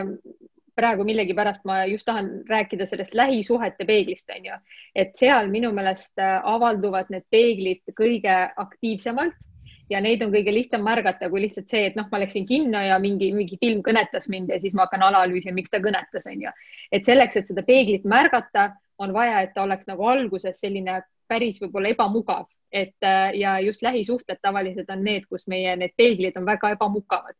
ja, ja mõistuse tasandil ongi kõik hästi loogiline, et miks ta nii teeb või, või ma ju tahan nii ja, ja, ja nii edasi.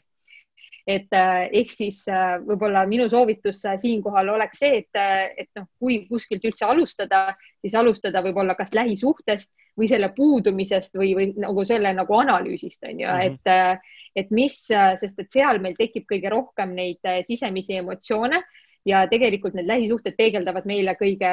kõige paremini ka meie lapsepõlve, kus äh, tihti on äh, ka mingisugused sellised blokeeringud või, või mingid, äh, mingid väljakutsed on nagu peidus. et, et, et kui sa nagu hakkad märkama, et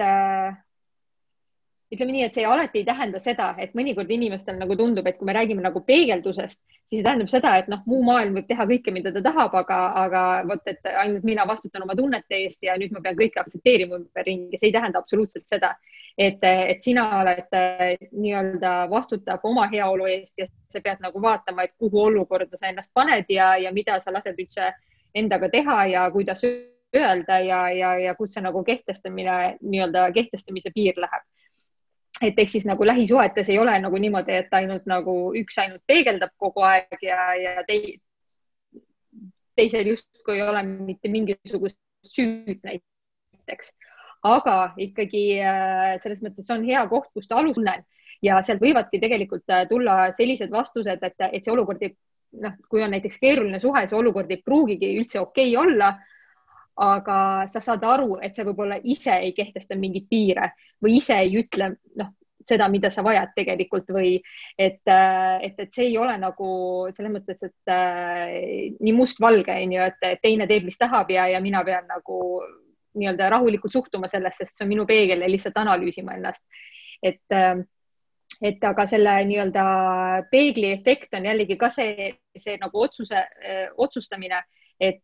et ma otsustan huviga lihtsalt jälgida, et see ei, alati ei õnnestu ja see on täiesti okei okay,, et see ei tähenda seda, Kris, et meie sinuga siin kogu aeg hammustame kõik peeglid kohe läbi ja, ja nii-öelda oskame ideaalselt nii-öelda reageerida nendes olukordades. aga, aga see, et, et sa suudad kasvõi tagantjärgi vaadata seda olukorda ja, ja võib-olla, võib-olla üks vihje on see ka, et, et kõige parem peegel on sellel hetkel, kui sul tekib kõige suurem nagu emotsioon või vastupanu. et kui sul tekib mingi hästi tugev emotsioon või vastupanu, siis see on see märk sellest, et, et see peegel räägib sulle midagi sinu kohta mm. -hmm. kui see on selline nagu väike tunne, et jah, see, see, see meeldib mulle või see oli nagu tore või et,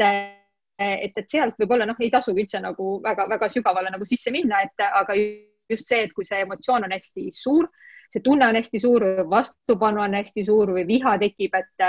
et, et see võib-olla on see koht, kus ja tegelikult õnn õnnelikkusega ka või, või sellise hea tundega, et, et kui see on nagu midagi juhtub või, või keegi midagi ütleb sulle ja sul tekib hästi hea tunne, siis see on tegelikult positiivne peegel sulle endale. et, et sellest nagu ka, seda tuleb ka märgata, seda positiivset peeglit, mitte ainult seda pidevat negatiivset mm -hmm. peeglit ja tööd endaga küsin äh, sellise nurga alt, äh, praegu lihtsalt äh, kargas, kargas nagu selline konkreetne küsimus pähe, et kuidas on vastutuse võtmine peeglina Eh, ehk siis mm -hmm. mis värk nagu sellega on, sest et oletame, ma toon nagu näite, oletame, mul tekkis seal ühe postituse, ühe viimase postituse Facebooki postituse all tekitas, tekkis väike diskussioon kus üks naisterahvas, kes on küll noh, vanem generatsioon, võib-olla natuke suhestub ka erinevalt noorema generatsiooniga, aga ta oli niisugune vanem naisterahvas. Ehm, ja, ja ta tõi nagu välja selle aspekti, et teda solvas äh, väga see, kui ma ütlesin viimases saates piltlikult öeldes ülekantud tähenduses, et äh, kui sulle ei meeldi see podcast ja minu ropendamine, siis käi perse, onju. et ma nagu väljendasin, ma väljendan ennast väga brutaalselt teinekord ja väga-väga toorelt. minu see koht ei ole kunagi see, ma tulen üleolevalt või ebameeldivalt või kuidagi tahaksin halvasti või haiget teha sulle, aga see on lihtsalt viis, kuidas ma näen, et ma olen Eh, ehe ja ma teen seda selliselt, nagu ma olen.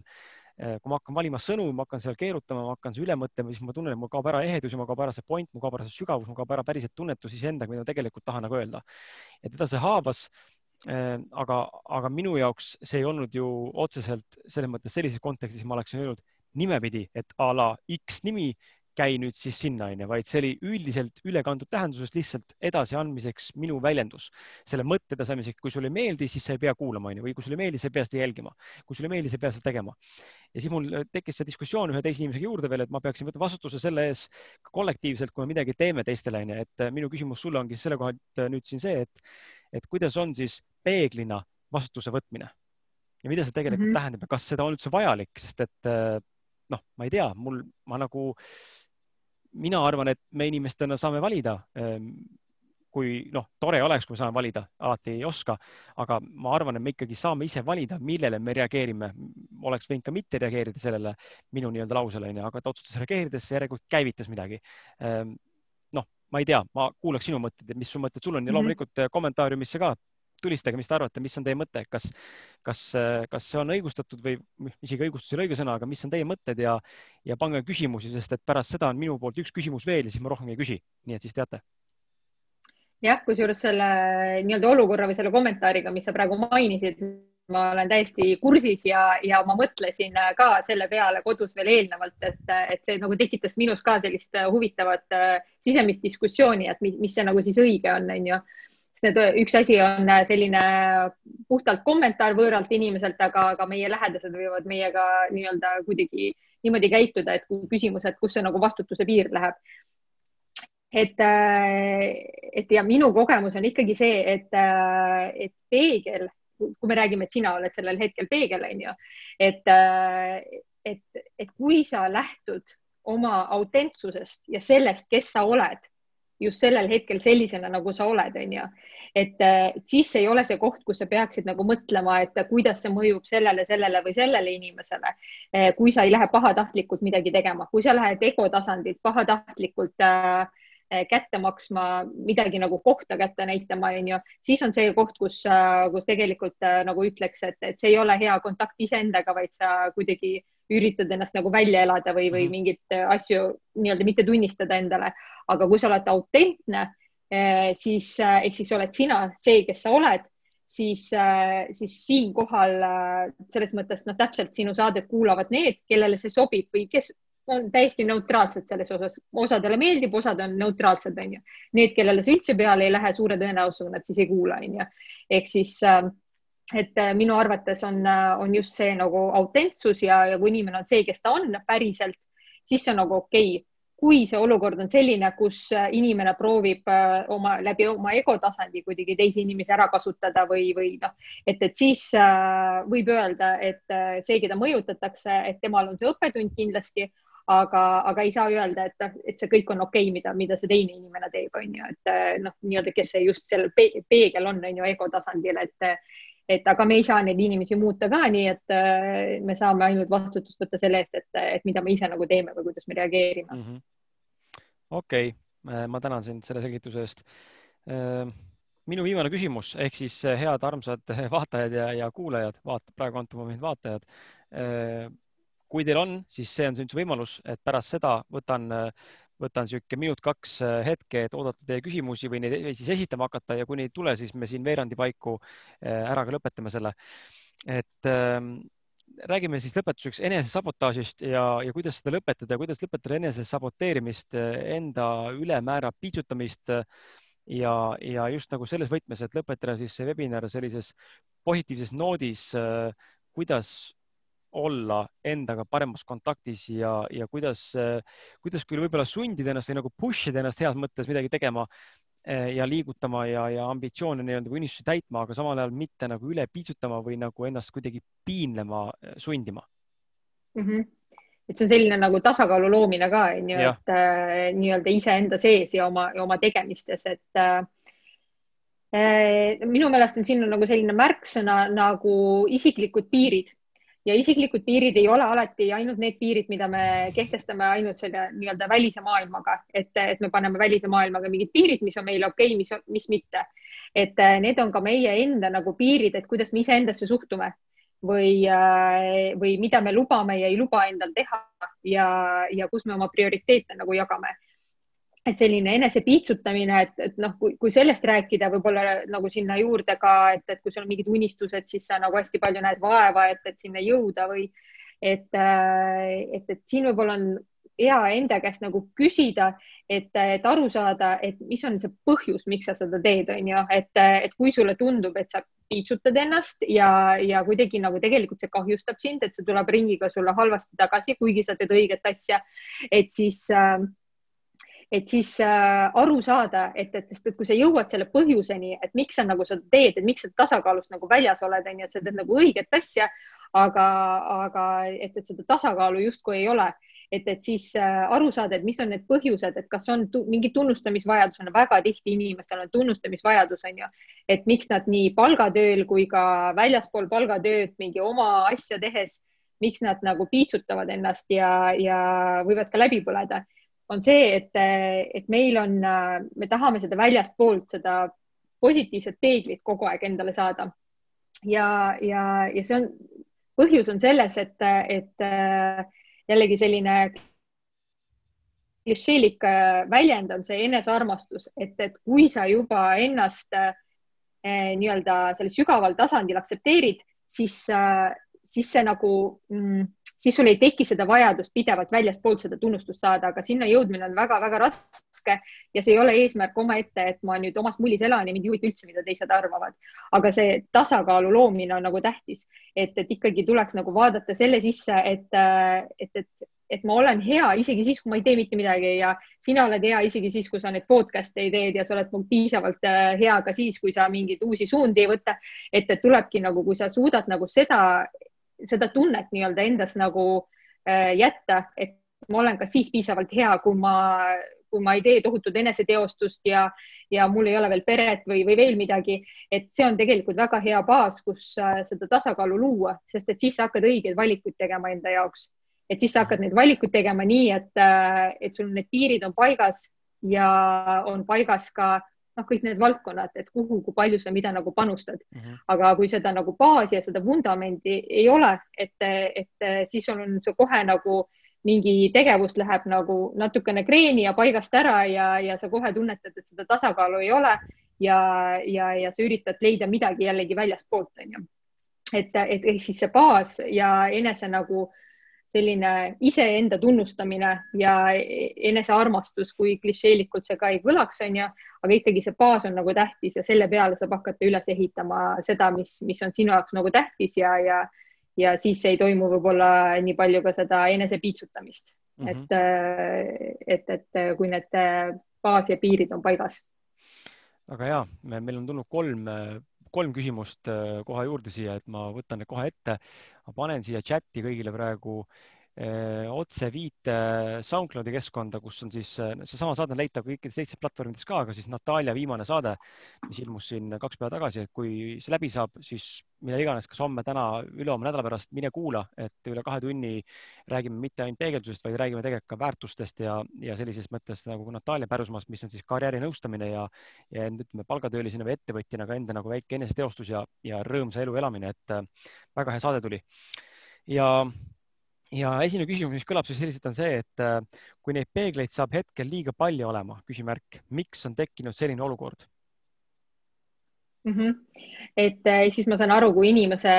elus äh, tekib üks hetk hästi palju peegleid, et äh,, et nüüd äh, tekkis kohe küsimus, et, et kas need peeglid on erinevad või need peeglid peegeldavad kõik ühte ja samat teemat, onju. Mhm. et kui me nagu räägime sellest, et need peeglid on hästi palju ja nad peegeldavad äh, seda ühte ja samat teemat inimesele, siis äh, suure tõenäosusega on midagi, milleks inimene on nagu valmis et mingi transformatsioon läbi teha, et see nagu läbi hammustada. ehk siis nagu sa, Kris, oled ise ka nagu meie podcast'is öelnud ja eelnevalt jutustanud, et et äh, üks hetk tuleb see, et sul tuleb igalt poolt mitme nädala jooksul justkui ühe, ühte ja samat sõnumit erinevates olukordades ja erinevatelt inimestelt. et ja, ja see on nagu selline karjuv universumi nagu tähelepanu soov on ju, et palun märka seda teemat praegu et, äh, et see on äh, ja, ja üldse võib-olla siia juurde korra kommenteeriks ka, et, et kuidas need õppetunnid meieni jõuavad, äh, on see, et tegelikult maailm või, või see elu meie ümber alguses nagu toksib sind hästi vaikselt, on ju, annab sulle väikseid vihjeid, on ju, et midagi on paigast ära, tasakaal on ära, et palun tegele sellega. ja, ja kui sa ei taha seda kuulda, siis, äh, siis need olukorrad hakkavad nagu, nagu paljunema või suureks kasvama ja, ja üks hetk, kui sa ikka ei taha mitte midagi kuulda, siis lihtsalt käib pauk kuskil, et, et, et siis sa lihtsalt pead seda märkama. aga kui sa nagu tahad nagu teadlik olla ja ei taha liiga palju raskusi oma ellu, siis mina nagu soovitan märgata ka neid väikseid vihjeid. ehk siis, kui juba need äh, peegleid koguneb juba väga palju sinu ümber, siis, äh, siis mõistlik on hakata nagu äh, neid kuulama, et -hmm. või seda teemat enda sees hakkama nagu lahendama, mitte oodata, et, et mis nüüd nagu, mis nüüd saab või kuidas see nagu ära laheneb. Aga kas see tähendab ka seda, kas me võime ka siinkohal siis turgutavalt, innustavalt in,, inimesi inspireerivalt öelda, et siis, kui sul on selline pidev pendlite, mitte pendlite, vaid nende, nende samade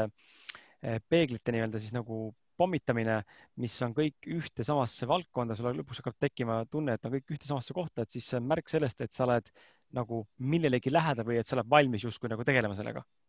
Jah, just, et kindlasti, et sest see meie valmiduse aste on ka nagu hästi erinev mm -hmm. teemadega, et, et mingi hetk me ei ole valmis ja siis ei tule ka neid peegleid ja, ja noh, et, et ei ole see õige aeg sellega tegelemiseks. aga, aga kui, kui neid tuleb, siis,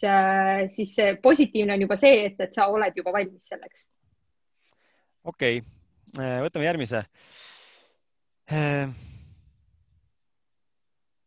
minu jaoks on see peeglist arusaamine keeruline ikka veel, ma olen seda nüüd viimased pool aastat kuulanud äh,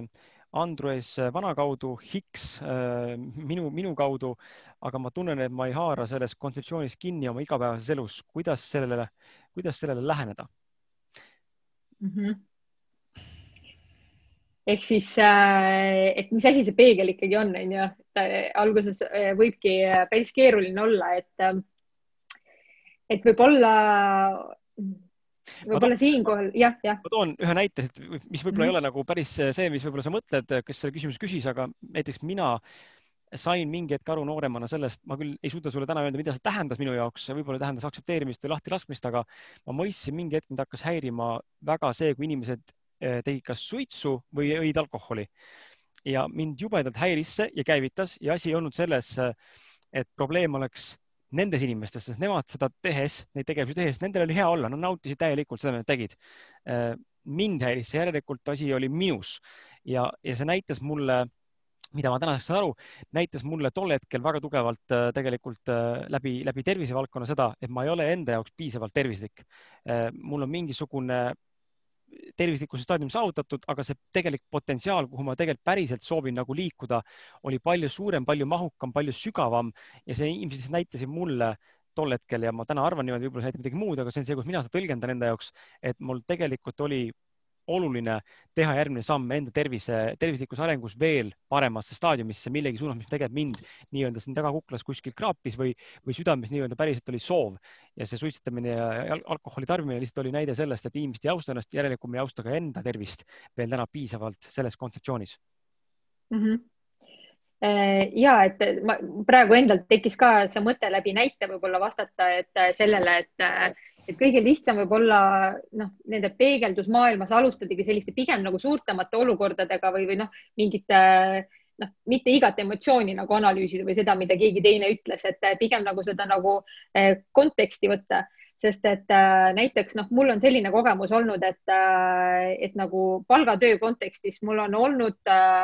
mingitel hetkedel tunne, et mind ei kuulata seal või noh, mul on mingid ettepanekud ja, ja mul on kogu aeg selline tunne, et nad, kas nad ei lähe läbi või, või, või inimesed nagu ei kuula mind ja, ja ei tunnusta piisavalt. ja, ja siis tegelikult ma jõudsingi selleni, et, et kui see nagu kordus mingites olukordades ja võib-olla kahe erineva tööandja juures siis ma nagu tegelikult sain aru, et ma ei tunnusta iseennast piisavalt ja ma ei väärtusta ise mingisuguseid äh, oma selliseid omadusi, mida ma võiksin hoopis kuskil mujal rakendada. ehk siis äh, kui see kordub kuskil või noh, suhetes näiteks samamoodi, et, äh, et tegelikult need halvad suhted, mis meie teele võib-olla satuvad, kellel on nagu sellised halvade, halbade suhete kogemused on olemas, et, et suures kontekstis, kui võtta, siis, siis mis see põhjus on, miks need suhted sinu teele satuvad, mis sind õnnelikuks ei tee ja, ja ongi küsimus, et kas sa ise väärtustad ennast, kas sa ise armastad ennast või sa proovid lihtsalt meele järgi olla, et sellised nagu suured teemad võib-olla nagu aitavad paremini nende peeglitega nagu algust teha, et ei tasugi kohe iga inimese iga inimese nii-öelda sõna ja, ja tegu nagu analüüsida, et kuidas see mulle mõjus, et pigem vaadata mingeid suuri valdkondi ja vaadata, et kas nad korduvad su elus kuidagimoodi. Ja mis see sinu enda kohta ütleb, et ehk siis mida see olukord ütleb sinu enda kohta mm -hmm.. okei okay,, siis järgmine eh, kaks tükki on jäänud. Äh, alati, kui lähe, alati, kui pahameeles või riivatuna midagi kirjutada, siis tuleks mõelda, et mida see loob. kas ma tahan, et see läheks vaidlemiseks või enda seisukoha pealesurumiseks ähm, äh, või jätan pigem kirjutamata ja mõtlen hetkeks, miks see mind ärritas. valiku koht, kas lähen egomängu või valin arengumaailma? Ja okei okay,, see ei olnud küsimus, vaid see oli pigem nagu selline mõtteline kaasamõtlemine, et ja ma olen, ma olen nõus, et, et mingis mahus tasub mõelda, kuidas sa millessegi panustad, et sealt, kas tuleb, tuleb see õigustamise, süüdistamise mäng, mis on hästi levinud või siis sa jääd endale kindlaks ja, ja ei lasku sellesse tasandisse, kus tegelikult mingit tulemust ei tule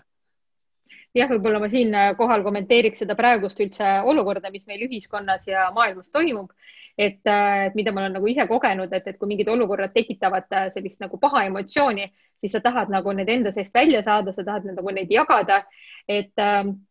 ja, ja võib-olla ka siinkohal on alati nagu hea mõelda, et mida ma sellega loon, on ju, kas ma loon äh, selle vihatunnet, on ju, et inimesed nagu hakkavad ka kaasa mõtlema ja ka vihastavad ja tekib see paha tunne. Või ma proovin aru saada, et miks ma nagu kardan midagi või miks, miks mul selline emotsioon tekib ja, ja proovin pigem nagu ennast analüüsida ja sellega tegeleda, kui lihtsalt nagu kogu aeg väljapoole anda seda halba emotsiooni enda seest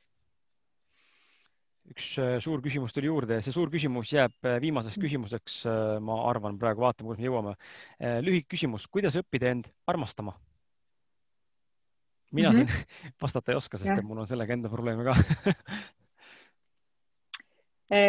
mina vastaks nagu küll hästi lühidalt ja lihtsalt, aga kõik algab sellest minu meelest, et, et sa aktsepteerid absoluutselt kõike, mis sinuga kaasas käib jällegi enne seda, kui sa otsustad, et sa pead midagi enda juures muutma, midagi teistmoodi tegema, olema kuidagi teistmoodi, elama teistsugust elu, et kõigepealt sa ütled, et see on täiesti okei okay,, et ma lähen närvi ja see on täiesti okei okay,, et äh, ma ei tea, et, et äh, ma ei oska, ma ei tea, suhteid luua ja see on täiesti okei okay,, et mu töö on praegu noh, ei ole see, mis, mis mind nagu rõõmustab. ehk siis see hetkeolukorra ja enda aktsepteerimine, et see on okei okay,, et see on mingil põhjusel, ma tulin siia ja olen selline, nagu ma olen, et et, et see nagu tegelikult äh, vabastab hästi palju, et minu meelest osad inimesed proovivadki hästi kiiresti ruttu midagi hakata enda sees nagu parandama kogu aeg. aga just see aktsepteerimise moment nagu jääb ära, et see on, see on okei okay,, et, et see praegu nii on ja kohe sul tekib nagu rahu selle teemaga mingiks hetkeks, ei tähenda seda, et sa ei peaks sellega tegelema või, või sa ei hakka sellega tegelema üks hetk. aga just selle olukorra ja iseenda aktsepteerimine täpselt sellisena, nagu sa oled et, et, et võib-olla selline ka lühikesele küsimusele lühem vastus on ju, tegelikult see teema on hästi suur, aga, aga, aga jah, et, et kõik algab sellest, et, et sa ütled, et, et see kõik on okei okay., et jah. aga siis tekib küsimus mul juurde, et kas see aktsepteerimise otsus äh, peab, noh, ma võin ju mõistusest endale öelda, ma aktsepteerin, et ma olen äh, see, aga tegelikult sisimas ei suuda ma seda teha, et seal on nagu natuke erinevat mm -hmm. dünaamikat ka võib-olla. jah, kindlasti, et, et üks asi on see, et mõistuse, noh, mõistuse tasand siinkohal nagu ei toimi, et, äh, et just, just see, et jah, siinkohal tuleb, mul lihtsalt tulevad märksõnad, on ju, et võib-olla kuulajad saavad pärast äh, natukene uurida nende kohta, mis puudutab oma varjulapse aktsepteerimist, on ju. et, et see varjulaps on tavaliselt see meie sees, kes, kes nutab ja on õnnetu ja, ja keda tähele ei panda. et, et kui me võtame ise täiskasvanud rolli ja suudame selle varjulapse nii-öelda maha rahustada ja, ja lohutada siis äh, sealt algab ka see eneseaktsepteerimine mitte mõistuse tasandil, vaid äh, sellise südame tasandil. et, et selle kohta võiks, äh, võib täitsa juurde nii-öelda guugeldada, et päikeselaps ja varjulaps meie sees, et, et sest et see varjulaps oma tunnetega vajab ka seda, et keegi kuulaks ära ja ütleks, et see on okei okay,, et sa niimoodi tunned ja kui sa ütled iseendale ka, et see on okei okay,, et ma niimoodi tunnen, et kasvõi see läbi emotsiooni ja tunde aktsepteerimise, see on okei okay,, et ma niimoodi tunnen, et, et siis te juba nii-öelda lähed rohkem südamesse, peast südamesse. ja võtan viimase küsimuse. eneseväljendusoskus, kuidas anda eh, oma mõtteid kõige paremini edasi, nii et teised sellest ka aru saaksid, mida tegelikult öelda tahad ja sina sellised mõistaksid. mida see tähendab ja kust see tuleb, et inimesed mõistavad sind esialgselt valesti ja pead tihti seletama lahti, mis tegelikult öelda tahtsid. ja ja kas seda saab kuidagi harjutada ja, ja kuidas, kui saab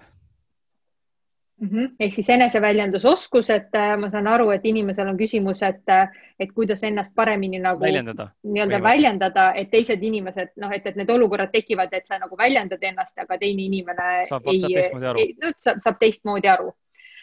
et äh, no see on selline nagu suhtlemisoskuse küsimus, et, et osadel tuleb see hästi loomulikult, et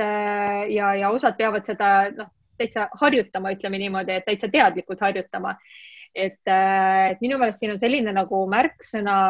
et kui see tuleb loomulikult, siis tavaliselt äh, need inimesed suudavad empaatiliselt nagu tajuda ka teist inimest, et mis mm -hmm. olukorras ta on sellel hetkel ja, ja kuidas talle läheneda või, või mis sõnu temaga kasutada. et aga, aga see ei pruugi kõikidel nii välja arenenud olla, see nagu empaatiatunnetus ja ka see, see on täiesti okei okay,, me oleme kõik erinevad.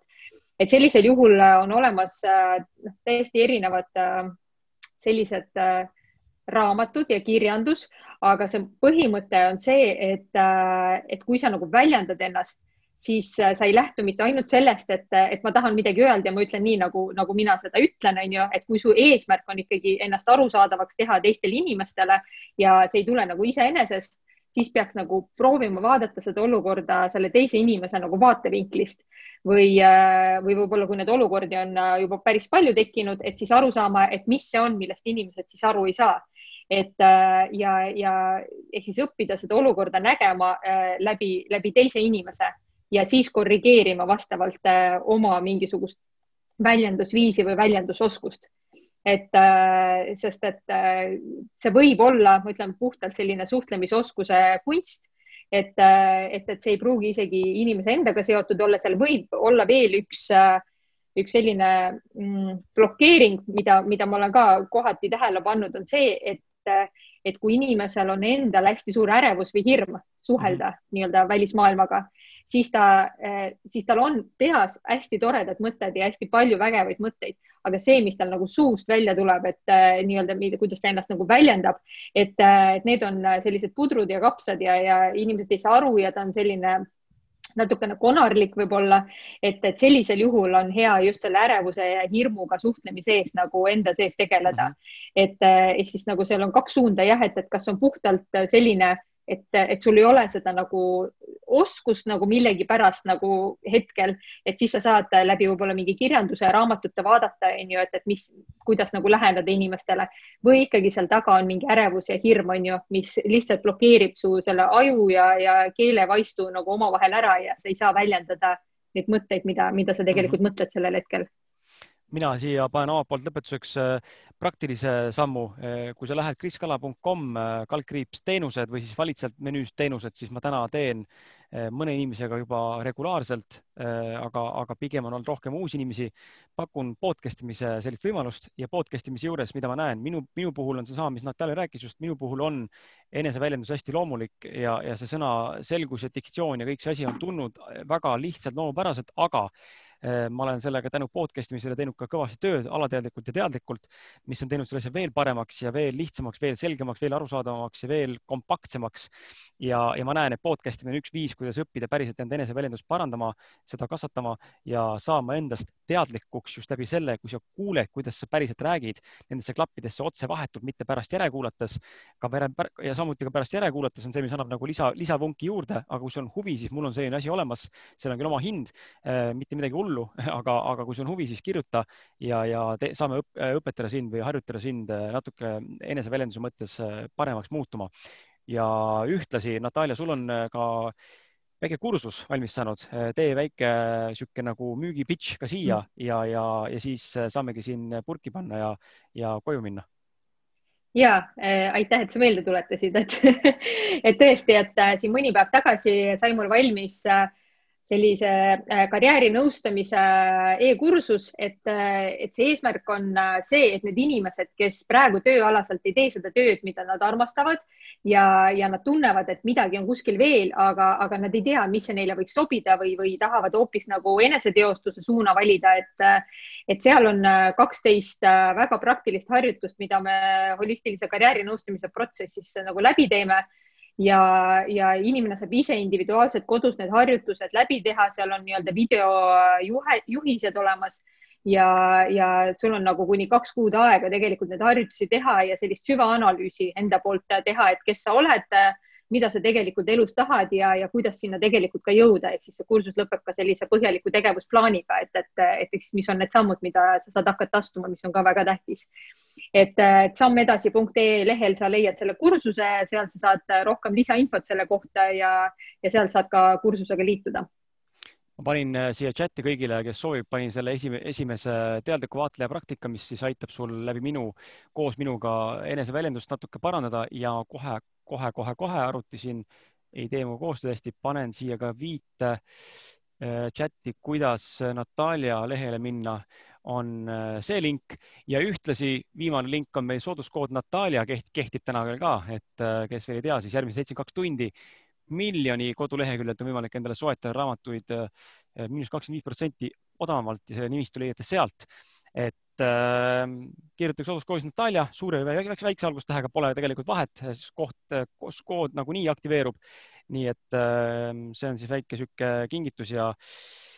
ja, ja egas midagi, ma tänan sind, Natalja, selle aja eest, kaks minti on üle läinud, pole hullu, aitäh sulle mm. -hmm. ja aitäh ka sulle, et sa meid siin vaatasid ja loodan, et oli siin piisavalt palju väärtust. järekuulamine on tulemas siis järgmise nädala jooksul või järgmise pooleteise nädala jooksul üles avalikult igale poole ja sinuga kohtume juba järgmises webinaris, mis on viiendal detsembril laupäevasel päeval kell kuus, kus on hüpnoterapeut, väga paljude poolt armastatud hüpnoterapeut Ants Rootslane, kes, kellega siis selle sarja, sarjaga lõpetame. nii et minu poolt aitäh ja head aega. aitäh minu poolt ka